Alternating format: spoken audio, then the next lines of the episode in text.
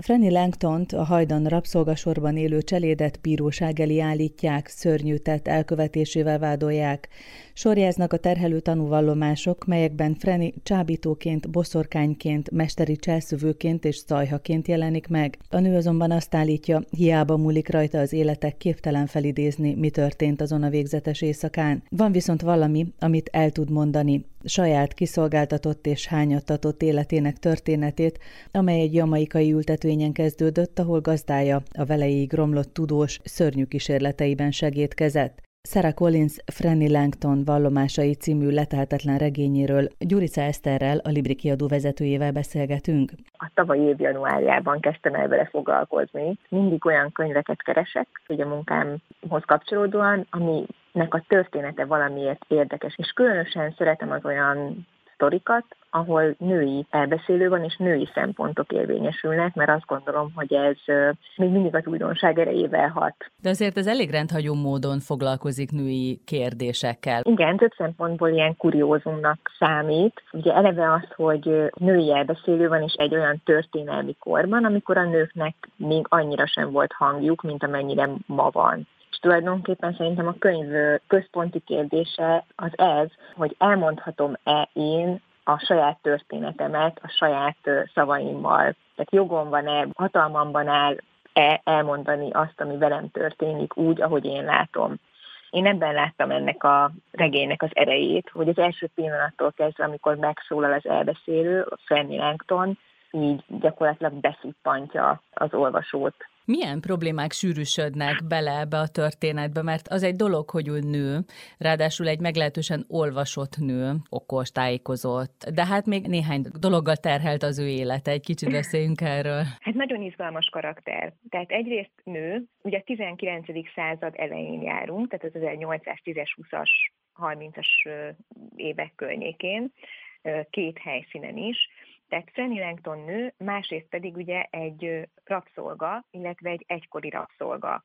Ez is egy ilyen nagyon érdekes átmeneti időszak, amikor Angliában már eltörölték a rabszolgaságot, de tulajdonképpen ezzel nem oldották meg egyáltalán a rabszolgák helyzetét. Tehát nő rabszolga még különlegesebbé teszi az ő helyzetét, hogy egy szerelmi viszonyba bonyolódik, és ez a szerelmi viszony sem egy hétköznapi szerelmi viszony. Ezen kívül pedig az is érdekes, hogy nem egyszerűen csak fekete bőrű, hanem egy mulatt lány.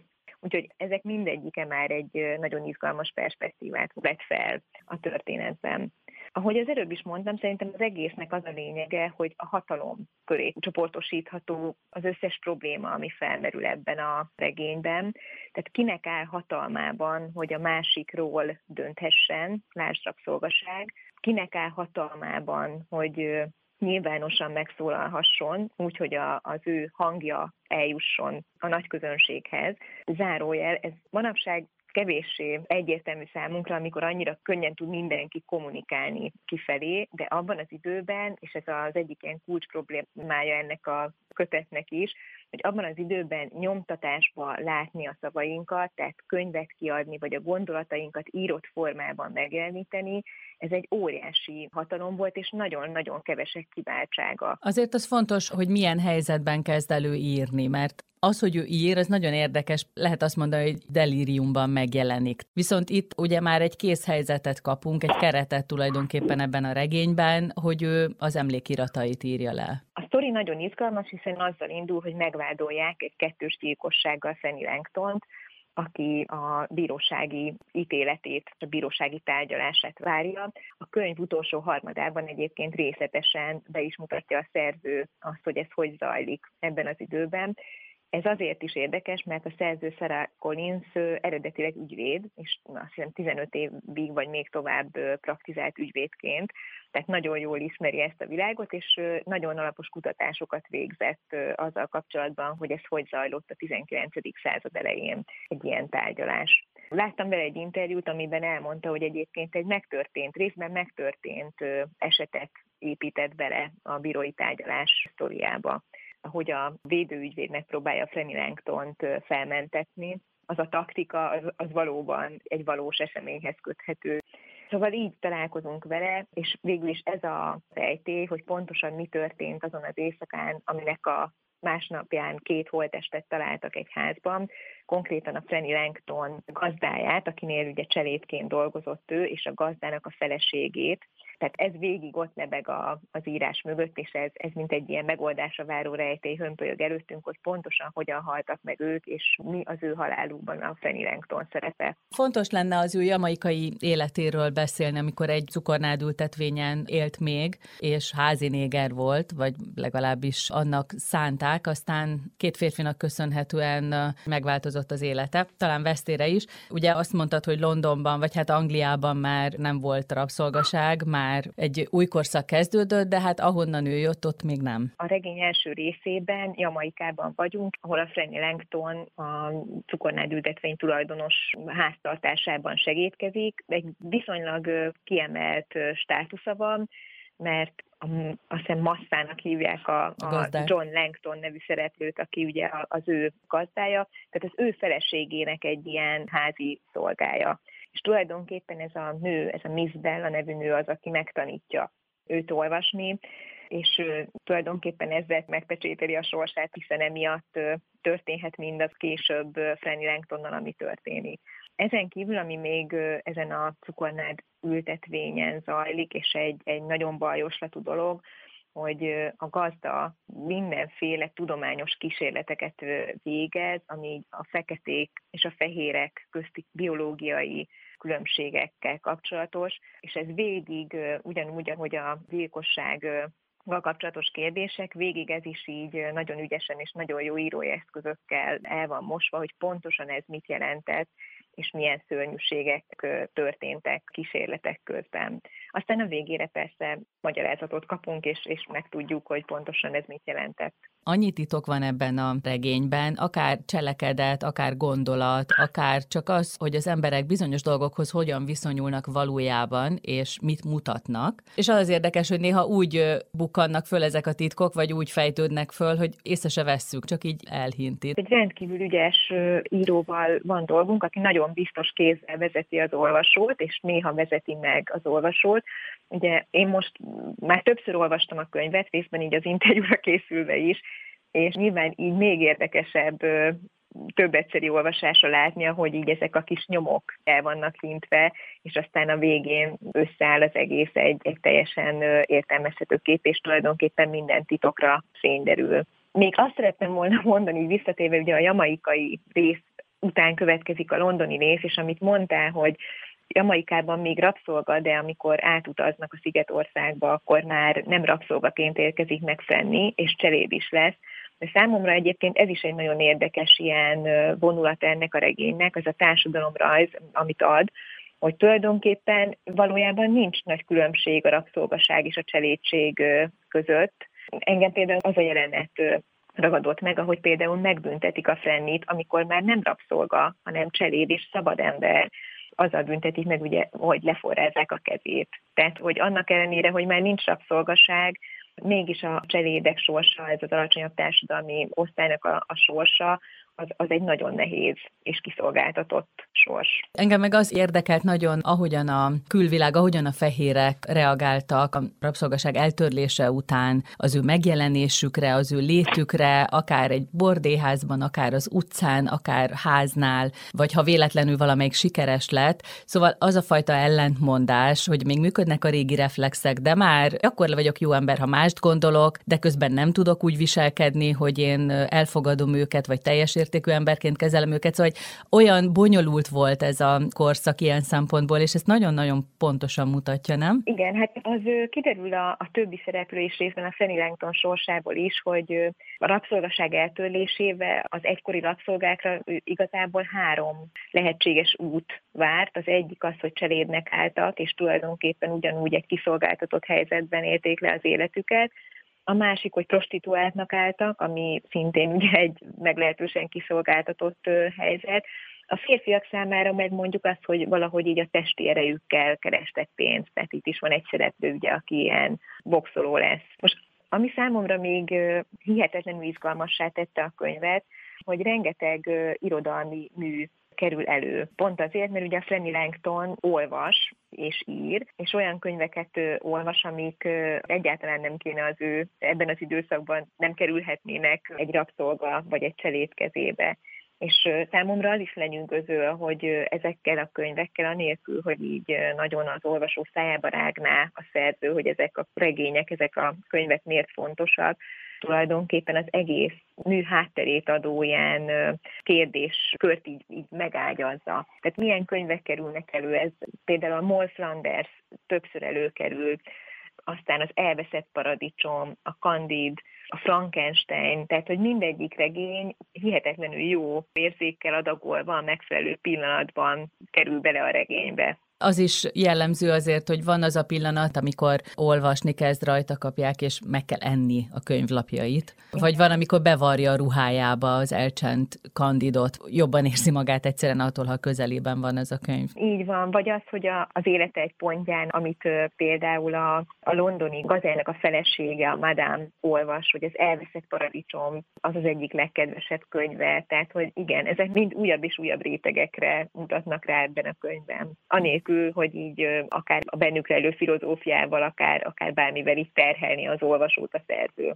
Hát és micsoda fricska, hogy paradicsomnak hívja Langton Így az van, ő otthonukat Jamaikában. Aha. Vagy az, hogy a, hogy a Moll Flanders előkerül, aztán később a Fanny Langton életében is lesz egy olyan időszak, amikor így a prostitúció az élete részévé válik, vagy az, hogy a Frankenstein előkerül, ugye az emberkísérletek, szóval ezek nagyon jó érzékkel szövegbe emelt művek. A madámat említetted, és hát nem csak a rabszolganők helyzete van itt fókuszban, hanem nagyon sok mindent megtudunk, hogy mondjuk általában egy nő, egy fehér asszony is, akár tehetős, akár nem, miféle kiszolgáltatottságban élte a hétköznapjait. Az ő karaktere kapcsán nekem a, a legjobban azt tetszett, amikor egy ilyen delíriumban felírja a szobájának a falára, talán piszkavassal, hogy légy független nő, és hogy itt van ez a, ez a tehetséges és különc asszony, aki azzal bottánkoztatta meg így a, a kortársakat, hogy férfi ruhában járt, és hogy hiába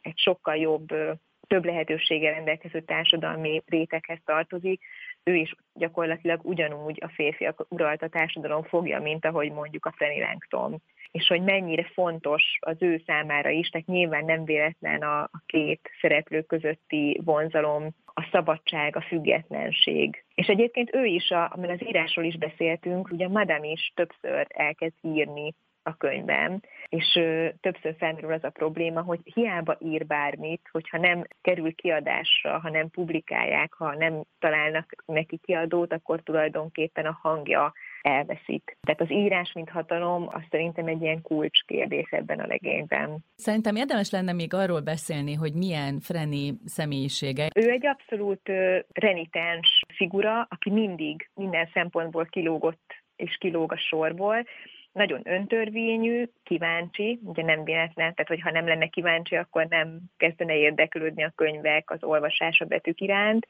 és ezen kívül ilyen nagyon szókimondó, ezzel csorolja magát többször dajba, és hát nem tudjuk elkerülni, hogy ne jusson eszünkbe Jenner, akinek a karaktere azért nagyon sokban hasonlít rá. Egyébként szerintem ezt valahol a Sarah Collins is nyilatkozta, hogy nagyon sok inspirációt merített a Jane Eyre-ből. De hát igen, szóval a, ő, a Fanny Langton nyilván az eleve elrendeltetettség ellen küzd, és akkor itt, itt kapcsolnék vissza, hogy tényleg nem véletlenül vannak beleépítve a szövegbe olyan könyvek, mint az Elveszett Paradicsom, aminek szintén az egyik ilyen kulcskérdése, hogy a szabadság és az eleve elrendeltetettség vagy a Moll Flanders, akinek az életútja ugyanúgy, ahogy a Fanny Langtoné a születése pillanatában elrendeltetett és valamire predestinálja tehát, hogy nem véletlenül kerülnek elő pont ezek a regények, és nem véletlen, hogy ezekkel a regényekkel találkozik a Fanny Langton. Gondolkodtam rajta, hogy mondjuk egy férfi olvasó mit szólna ehhez. Ösztön lényeknek és hatalomvágyóknak és meglehetősen elveszettnek ábrázolja a férfiakat. Hát igen, nekem még most, hogy újra olvastam, ez a rész nagyon tetszett, amikor ugye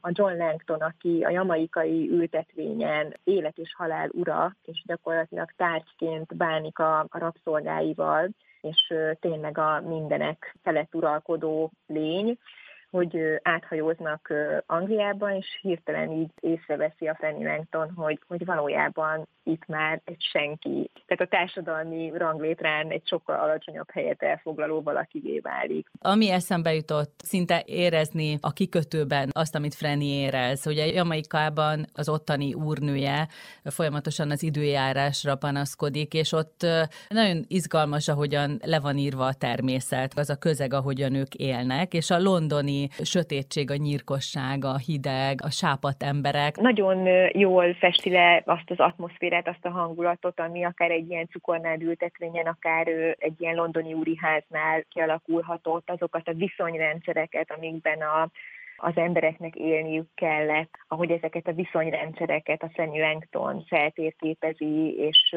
miután tanulmányozta őket, megpróbálja széttörni ezeket a kereteket, és az is számomra nagyon érdekes volt, hogy a többi szereplő próbálja visszatartani ettől. Tehát például a, a londoni úriházban a, a Szent Prue-nak hívják azt a cselédlányt, aki először így kvázi barátnője lesz, és próbálja Fenit eligazítani ebben az új világban. Hát, hogy húzza meg magát, és, igen, és ne, ne próbáljon igen. másként viselkedni. Azon gondolkodtam most, hogy mikor szabad Freni, és leginkább akkor, amikor bódult. És mint hogyha a mádám is csak akkor. Szerintem ez látszat szabadság. Én ezekben a jelenetekben inkább azt láttam, hogy tulajdonképpen ez, ez inkább csak aláhúzza számomra azt, hogy nem szabadok. Tehát, hogy csak egy ilyen képzelt világban lehet a Frenny szabad, azt hiszem van egy ilyen többször visszatérő képzelgése, vagy fantáziája, hogy ő hogyan szeretne élni és talán abban a néhány percben, amikor ezt így a saját képzeletében megteremti, talán akkor a legszabadabb.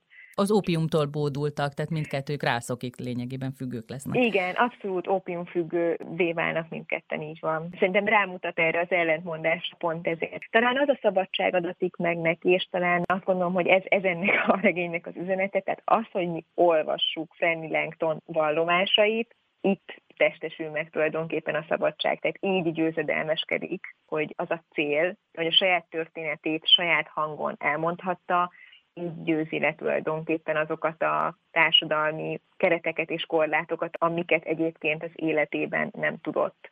Tehát, hogy én valahogy inkább ezt tekinteném így a szabadság elérésének. És nekem az is nagyon tetszik, hogy ez a címe a könyvnek, hogy Fanny Langston vallomásai, tehát hogy valaki, akinek neve van, és ez a név, ez, ez a címbe bekerülhet.